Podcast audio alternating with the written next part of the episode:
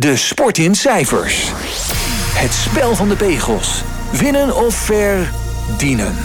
Dit is de BV Sport Update. Elke week worden we weer helemaal bijgepraat door sportmarketeer Frank van der Walbaken over al het laatste nieuws op het gebied van sportmarketing. Uh, Frank, hele goede middag. Goedemiddag Robert. En laten we beginnen met een uh, klein terugblikje op het uh, WK vrouwenvoetbal. Dat is natuurlijk inmiddels voorbij, maar jij hebt even wat cijfers op een rijtje gezet. Ja, en zou je niet ver verbazen, we gaan het niet hebben over de nogal overdreven kussende voorzitter van de Spaanse voetbalbond. meneer Luis Rubiales, die, die sterspeelster Jennifer Hermoso vol op de mond zoende. Nou, dat is intussen een nationaal, internationaal schandaal aan het worden. Maar we gaan nog wel even wat indrukwekkende cijfers op een rijtje zetten. Uh, de halve finale tussen Australië en Engeland, uh, door Engeland gewonnen met 3-1. In dat WK uh, heeft in Australië het beste kijkcijfer ooit gescoord. Dus niet alleen in sport, maar in alle programma's. Ruim 11 miljoen mensen keken live en het leverde een marktaandeel op van 43 procent. en daarnaast ook nog eens een kleine miljoen kijkers keken via de streamingdienst van 7 Plus. Uh, in Engeland overigens keken alleen keken alles bij elkaar op BBC en de digitale platforms van BBC 13,8 miljoen mensen. En dan natuurlijk naar de finale, Engeland-Spanje. Um, die werd door Spanje gewonnen, zoals we allemaal weten, intussen met 1-0. werd in Engeland op de BBC bekeken door ruim 14 miljoen Britten. En dat is na de kroning van koning Charles het best bekeken televisieprogramma tot nu toe in 2023 dat zegt toch wel het een en ander. Uh, en het ja, spreekt toch ook wel de criticasters die er nog steeds zijn over het vrouwenvoetbal behoorlijk tegen. Uh, in Spanje werd naar die finale door 5,6 miljoen mensen live gekeken voor de, uh, naar de RTVE die de rechten had. En met een marktaandeel, en wat is minstens even belangrijk, van 65,7 procent. Dus wie durft nog te beweren dat het vrouwenvoetbal niet in is om naar, naar te gaan kijken. Uh, een ander zeer positief signaal vind ik zelf, uh, als gevolg van dat WK in Australië en Nieuw-Zeeland, is dat de Australische regering een Women's Sports Funds met in kas Australische dollars 200 miljoen, dat is uh, 128 miljoen Amerikaanse dollars, in het leven heeft geroepen om de vrouwensport een extra boost te geven. Um, dit is natuurlijk vooral gebaseerd op de enorme impact die dat toernooi uh, dat WK op de Australische consument heeft gehad. Uh, met deze gelden uh, zullen faciliteiten om jonge meiden naar de sport lokken worden verbeterd. Nou, laten we hopen dat goed voorbeeld doet volgen. Alhoewel ik de Nederlandse regering zoiets niet zie doen, even 1, 2, 3. Zeker niet een demissionaire regering. Maar ja, aan de andere kant zou je kunnen zeggen... het zou een doeltreffend item kunnen zijn in het verkiezingsprogramma wat natuurlijk bij alle partijen aan zit te komen. En dan als tenslotte, wat ook niet ongemeld kan en mag blijven. Uh, als laatste item over dat WK. Onze meiden, onze oranje meiden, verdienen toch terecht in mijn ogen toch een eigenlijk best wel leuk bedrag. Zeker als je het relateert aan het recente verleden. Uh, elke speelster kreeg ruim 80.000 euro, uh, dus per persoon uitbetaald overigens door de FIFA en niet door de KNVB. Want dat waren de afspraken die de FIFA heeft gemaakt met de verschillende bonden. En ook leuk natuurlijk is dat een van de jonge Nederlandse revelaties um, in dat toernooi, Esme Brugs. Weet je, je weet wel, die twee die die wondermooie goals scoorden mm -hmm. in de wedstrijd tegen Vietnam. Die Esme heeft een leuk en ongetwijfeld lucratief contract getekend bij FC Barcelona. En dat gun ik haar van harte. Dan uh, verhuizen we naar uh, het Midden-Oosten toe. Eigenlijk uh, een vast item in, de, in deze update. Ehm, Saudi-Arabië, ja, we hebben het er vaker over. Die hebben soms nog wel eens van die interessante proefballonnetjes die ze de lucht in gooien. En eentje daarvan is dat zij willen gaan proberen om een plek te veroveren in de Champions League voor hun kampioen. Ja, ze zijn behoorlijk actief daar uh, in Saudi-Arabië. Dat mogen blijken uit een enorme pot met geld die beschikbaar is en alle activiteiten die ze ontplooien in, uh, in de sport. En dus ja, in dit zoveelste hoofdstuk over Saudi-Arabië uh, en sport, in het algemeen en voetbal in het bijzonder, is er weer het een en ander te melden. Allereerst is Saudi-Arabië van plan om een aantal vriendschappelijke interlands van de nationale ploeg te gaan spelen in het stadion van Newcastle United. Nou, dan zou je zeggen, waarom daar? Nou ja, dat is de club die verleden jaar voor 350 miljoen dollar werd verkocht Mhm. door dat PIF. En dat PIF staat voor Public Investment Fund. Het is het fonds dat beschikbaar is, eh, dat uitermate goed gevuld is met 650 miljard dollars. En dat is beschikbaar gesteld door de Saoedische regering. Eh, dat sport heeft uitgekozen om met als doel het land nadrukkelijk op de wereldkaart te zetten. Anders dan alleen maar als een olie- en gasland en een hele grote woestijn. Maar bovendien, en daar had je het net al over, is datzelfde PIF eigenaar van vier van de 18 clubs tellende topcompetitie in eigen land. En dat zijn Al-Ali, Al-Hilal, Al-Ittihad en Al-Nasser. Ehm, waar nu spelers als Neymar, Ronaldo, Benzema, Mares en Al-Salah zijn ondergebracht. Uh, die zijn van plan om voor honderden miljoenen, datzelfde PIF, is de lobby begonnen om een plaats voor een Saoedische club af te dwingen in de UEFA Champions League. Nou, officieel zou je zeggen dat kan natuurlijk niet, want het is een Europese competitie. Maar daar zijn in het verleden al uitzonderingen voor gemaakt voor notabene Israël. En Israël is natuurlijk nou niet de beste vriend van Saudi-Arabië. Dus Saudi-Arabië heeft recht om te, zich te beroepen op die beslissing in de tijd dat Israël is toegelaten. Waarom wij dan niet? Nou, bovendien moeten we natuurlijk rekening houden met het feit dat meneer Alexander Severin, de, de, de hoogste baas van de UEFA, um, die is zeer gevoelig voor geld, sowieso. Uh, niet alleen voor zichzelf overtuigd, maar ook wel voor de Champions League. Al is het maar om de nog steeds sluimerende initiatieven van een Super League uh, te blokkeren. En dat kan maar op één manier geblokkeerd worden, en dat is met een grote zak met geld. Mm -hmm. Dus uh, dat zal best wel welkom zijn als Saudi-Arabië met veel geld over de brug komt. En dan tenslotte voor wat Saudi-Arabië betreft, uh, de Arabische streamingdienst SVOD. Ik weet niet waar die afkorting voor staat, maar goed, dat is niet zo relevant. Maar die, die streamingdienst die heeft nu al 15 miljoen abonnees en verwacht in 2029 28 miljoen abonnees te hebben. Dus reken maar dat die streamingdienst mee gaat dingen naar Europese voetbalrechten. En ook dat is natuurlijk weer interessant, want ja, hoe je het ook bent of keert, is het niet linksom, maar is het wel rechtsom dat Saudi-Arabië uh, zijn entree gaat maken op dit hoogste podium van het Europese voetbal. Uh, en dan krijg je dus weer de vraag die ik wel regelmatig stel: wie is straks eigenlijk eigenaar van de sport en dan voetbal in het bijzonder? Of tenminste mede-eigenaar. En dat is een vraag die de komende jaren regelmatig zal terugkomen. Ja, dan toch een heel klein uh, quizvraagje tussendoor, uh, Frank. Want welk ander land wat eerst in, uh, in de AFC, de Aziatische voetbalcompetities, uitkwam, is naar de UEFA overgestapt? Goeie vraag. Die kan ik even niet te beantwoorden, maar jij ongetwijfeld wel. Kazachstan. Oké. Okay. Ja. Dus Israël en Kazachstan speelden eerst in, in de Aziatische competities. Daar hadden ze te weinig tegenstand. Dus zijn ze overgegaan naar de Europese competities. Maar goed, dat was een, misschien een leuke tussendoor.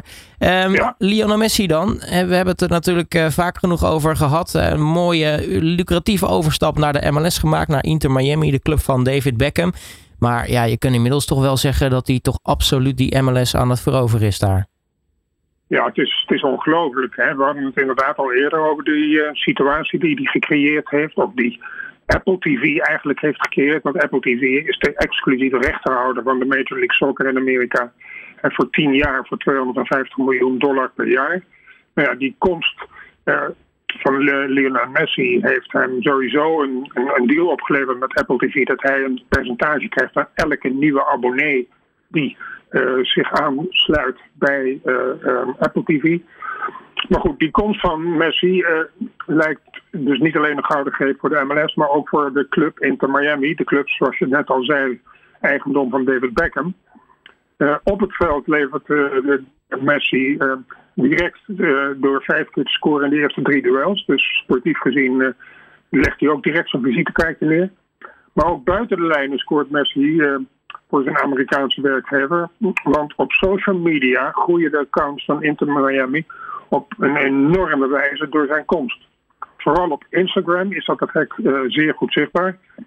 Uh, Messi is daar met zijn 481 miljoen volgers groter dan Hollywoodsterren als Kim Kardashian en Beyoncé. Uh, en in korte tijd is Inter Miami uitgegroeid tot een van de populairste Amerikaanse sportteams op social media. De, de, club heeft op Instagram meer volgers, 13 miljoen, waarvan 12 miljoen zijn aangesloten na de komst van Messi. Kan je nagaan van 1 naar 13 miljoen sinds de komst. en dat zijn er dus veel meer dan de New York Yankees, om maar iets te noemen. Die hebben er maar 3,3 miljoen, markt is aanhalingstekens. En de New England Patriots 4,9 miljoen. en terwijl dat de populairste clubs zijn in traditionele Amerikaanse sporten, honkbal en American voetbal. Uh, bovendien de basketbalteams van uh, Golden State Warriors en Los Angeles Lakers zijn de enige clubs die het digitale succes van Inter Miami nu nog kunnen overstijgen. Maar hoe lang dat nog zal duren is uh, nog maar de vraag. Maar het effect van Lionel Messi in de Major League Soccer is over de, ja, zou ik bijna willen zeggen streamingdiensten. Uh, we hebben het er uh, nou ja, vaak over gehad. Uh, de laatste tijd is er wat, nou ja, misschien wat minder te melden over streamingdiensten, maar inmiddels wel weer. KPN bijvoorbeeld, die gaat iets heel erg interessants lanceren. Die gaan een, met een streamingdienst komen, gericht op enkel vrouwensport. Ja, het is wel eens leuk om. We hebben het natuurlijk veel over de, de televisieontwikkeling, het landschap rond sport. En we hebben het meestal over buitenland, want daar lopen ze inderdaad toch wel wat vaker voor. Omdat het natuurlijk ook grotere landen zijn. Maar uh, onze eigen KPN uh, heeft een nieuwe streamingdienst gelanceerd, zoals je al zei, exclusief gericht op vrouwensport. En de naam van die streamingdienst is W Willem. W Sport staat natuurlijk voor Women.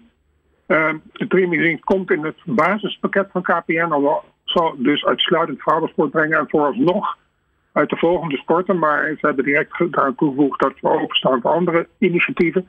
Maar in eerste instantie in ieder geval voor voetbal, voor motorsport. Hè, daar, daar, hebben we ook die F1, uh, F1 Academy, die uh, exclusief gericht is op vrouwensport. En die mhm. komt ook naar Nederland. Uh, ook op basketbal en volleybal. Maar nogmaals, zoals ik net al zei, de deur staat open voor andere sporten. Uh, het is hoe dan ook de eerste zender met 24-7 vrouwensport en exclusief bij KPN op kanaal 37. Dan uh, gaan we de plas over naar Amerika, want uh, je hebt uitgezocht wat het aandeel van streamingdiensten daar is. Ja, nou ja, dat heb ik niet zelf uitgezocht, maar dat kreeg ik uit een berichtje tot mij. Dus over de echte opkomst van die streamingdiensten gesproken. Het hele medialandschap is natuurlijk radicaal aan het wijzigen met de streamingdiensten en de social media. Maar ja, voor het eerst in de geschiedenis van überhaupt de televisie is in Amerika in de maand juli het marktaandeel van de lineaire televisie gedaald onder de 50 procent. Uh, dat, dat is nogal wat. Het is best wel een, een soort mijlpaal. En dat geeft aan in welke richting het medialandschap zich begeeft. En dat geeft ook aan, als we het zeker over sport hebben, uh, dat er hoe langer hoe meer vraag komt naar sport. En dat ja, zal alleen maar weer de prijs verhogen. En de televisiecontracten of de mediacontracten zijn al hoog. Zijn al een van de belangrijkste, zo niet de belangrijkste inkomstenbron voor de sport. En dat zal dus alleen nog maar stijgen. Uh, de streamingdiensten in Amerika groeiden tegelijk naar een record, afgezet tegenover de lineaire televisie, van 38,7% al. En op jaarbasis hebben de streamingdiensten een groei van 25,3%.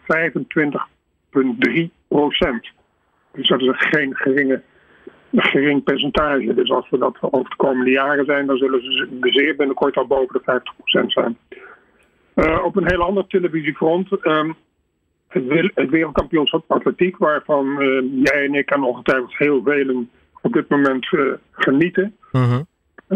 dit, op dit moment in Budapest. wordt in Europa en Afrika door 40 zenders uitgezonden die gezamenlijk 2700 uren hebben ingeruimd, waarvan 2500 live. Nou, dat was vroeger ook wel anders. En dat is een weliswaar grote sport, maar toch op televisie niet al te populaire sport. Zeker niet als je het vergelijkt met voetbal. Is dat enorm. En het geeft maar weer aan uh, ja, de plaats die sport heeft veroverd en nog verder zal gaan veroveren in de programmering van de zenders. Dan, dan ja, dat sport de meest gewilde content op het scherm eh, dus traditionele televisie, ook de streamingdiensten, bij de TikToks in deze wereld en alle sociale media is van, van groot tot klein, hoe dan ook, zeer nadrukkelijk. En toch zijn er nog steeds mensen die durven beweren dat sport niet serieus moet of kan worden genomen. Jij en ik zijn het erover eens, Robert. Sport is mhm. geen bijzaak meer, maar hoofdzaak. Absoluut. Dan duiken we het Nederlandse voetbal in. Want uh, nou ja, ja, je hebt toch even wat, wat dingetjes uitgezocht ook. Uh, gokbedrijven in het betaalde voetbal en, en kledingsponsors. Uh, daar zijn wat interessante dingen over te melden. Ja, het is eigenlijk een beetje olie op het vuur gooien. Want de, de, de discussie natuurlijk over gokbedrijven in het voetbal... of in de sport überhaupt, is, is hot. Um, ik heb even op een rijtje gezet wat, hoe de eredivisie eruit ziet. En zeven van de 18 clubs in de Eredivisie hebben een gokbedrijf op het shirt staan. Nou, dat wordt dus binnenkort verboden. Dus dat is best wel iets om je zorgen over te maken.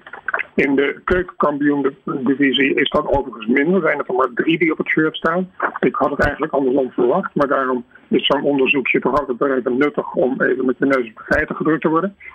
En wat ik ook opvallend vond, en dat is een heel ander iets, en dat is niet ter discussie staan, maar het is wel een opmerkelijke ontwikkeling. Nike, toch een van de grote sportmerken samen met Adidas, staat maar, eh, of is maar de leverancier van één club in onze eredivisie. Dat is van AZ op dit moment. En Adidas heeft er maar twee. En dat is Ajax en PEC Zwolle. Ehm, dus dat vind ik best wel opvallend. En als we dan over die kledingsponsors hebben, is er een ander uh, zeer nadrukkelijk iets gaande op dit moment. En dat is heel vers. Uh, en dan heb ik het over Nike. Uh, Nike is natuurlijk best wel een vooruitstrevend kledingmerk. En, en heeft zich altijd gekenmerkt door ja, best wel wat een beetje rebelsachtig te zijn. En dat past bij het merk, dat spreekt de jeugd aan. Uh, tegenover het iets wat traditionele van Adidas, dat is de grote concurrent. Maar goed, dus, dus het merkwaardig eigenlijk dat het vooruitstrevende kledingmerk Nike weigert tot op heden om replica keepershirts van door het merk gesponsorde ploegen, zoals onder andere de nationale ploeg van Engeland, uh, om die replica shirts van de keepers op de markt te brengen. Terwijl ze dat wel doen met de andere shirts van de speelsters. Nou, um, die Engelse keepster, um, uh, die in de finale weliswaar dan wel verloor van Spanje met 1-0, maar ze stopte wel een penalty en ze speelde een, een magistrale wedstrijd. Dus is intussen in Engeland een landelijk idool geworden. En de consument die, uh, die graag uh, aan de merchandising uh, meedoet en een keepershirt wil kopen, kan dat dus niet.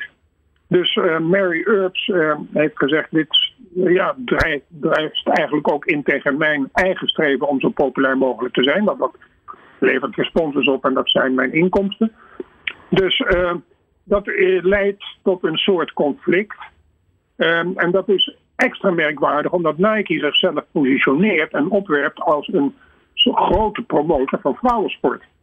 Dus um, er is nu een situatie gaande in Engeland waarin uh, Mary Earps uh, via, uh, met de Engelse voetbalbond samen, want die is natuurlijk ook gebaat bij zoveel mogelijk merchandising, mm -hmm. om een zaak te beginnen tegen Nike. Nou, Nike heeft onmiddellijk gereageerd en wil natuurlijk een zaak vermijden, want dat levert alleen maar weer negatieve publiciteit op. Dus ze heeft gezegd zich te beraden over dat beleid van de keepershirts niet in de, op de markt te brengen. Dus dat wordt vervolgd, maar ik vind het wel een pikante ontwikkeling. Dat was hem voor deze week, uh, Robert. Uh, ik ga weer aan de slag uh, met verzamelen voor volgende week. Nou zijn we heel erg benieuwd wat, wat er dan allemaal op de rol staat. Frank van der Walbaken, hartelijk dank en tot volgende week. Tot volgende week, Robert. Alle sporten van binnenuit. All Sport Radio.